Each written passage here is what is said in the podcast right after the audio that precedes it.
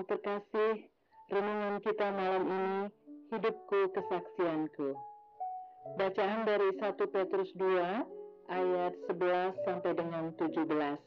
Beginilah firman Tuhan. Saudara-saudaraku yang kekasih, Aku menasihati kamu supaya sebagai pendatang dan perantau, kamu menjauhkan diri dari keinginan-keinginan daging yang berjuang melawan jiwa. Milikilah cara hidup yang baik di tengah-tengah bangsa-bangsa bukan Yahudi, supaya apabila mereka memfitnah kamu sebagai orang durjana, mereka dapat melihatnya dari perbuatan-perbuatanmu yang baik dan memuliakan Allah pada hari ia melawat mereka.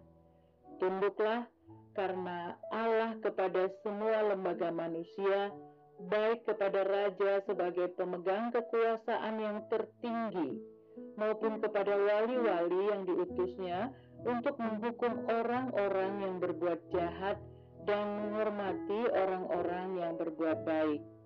Sebab inilah kehendak Allah, yaitu supaya dengan berbuat baik kamu membungkamkan kepicikan orang-orang yang bodoh.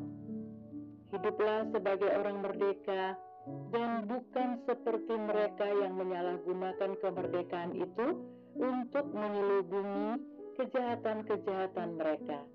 Tetapi hiduplah sebagai hamba Allah.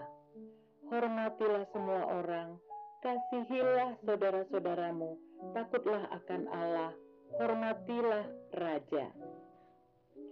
Beranikah kita membuat survei untuk mencari tahu komentar orang terhadap cara hidup pengikut Kristus? Bisakah kita menduga hasil dari survei semacam itu? Kira-kira kita akan lebih banyak membaca pujian dan kekaguman ataukah cibiran dan cemohan? Jangan-jangan kesimpulan kita adalah justru orang-orang Kristianilah yang kerap menghambat kemajuan pemberitaan kabar baik. Dipindahkan dari gelap menuju kepada terang yang ajaib bukanlah akhir cerita dari umat Allah.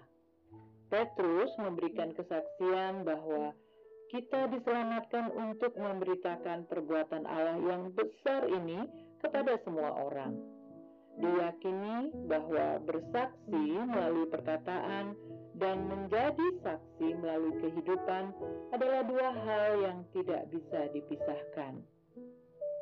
Rasul Petrus mengingatkan umat Tuhan untuk memiliki cara hidup yang baik di tengah-tengah mereka yang belum percaya agar kehidupan mereka tidak dapat difitnah oleh siapa pun. Kehidupan yang murni bukan saja menjadi kewajaran umat Tuhan, melainkan juga akan menjadi kesaksian yang menarik bagi mereka yang belum mengenal Dia. Harus diakui bahwa salah satu penyebab orang tidak tertarik dengan kabar baik yang kita sampaikan adalah karena cara hidup kita yang buruk. Mari kita mawas diri Apakah cara hidup kita telah mampu bersuara tentang perubahan hidup yang kita miliki? Ataukah gaung berita baik itu tertindih oleh buruknya kelakuan kita sebagai umat Tuhan?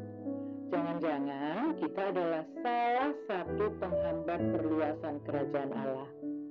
Berdiam dirilah dan temukan cara hidup kita yang rasanya menjadi penghambat berita sukacita. Acap kali penghalang terbesar kesaksian adalah cara hidup kita. Demikianlah renungan malam ini.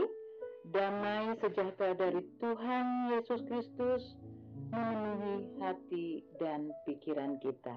Amin. Jemaat yang terkasih, mari kita bersatu hati menaikkan pokok-pokok doa yang ada dalam gerakan doa 21 GKI Sarua Indah. Mari kita berdoa.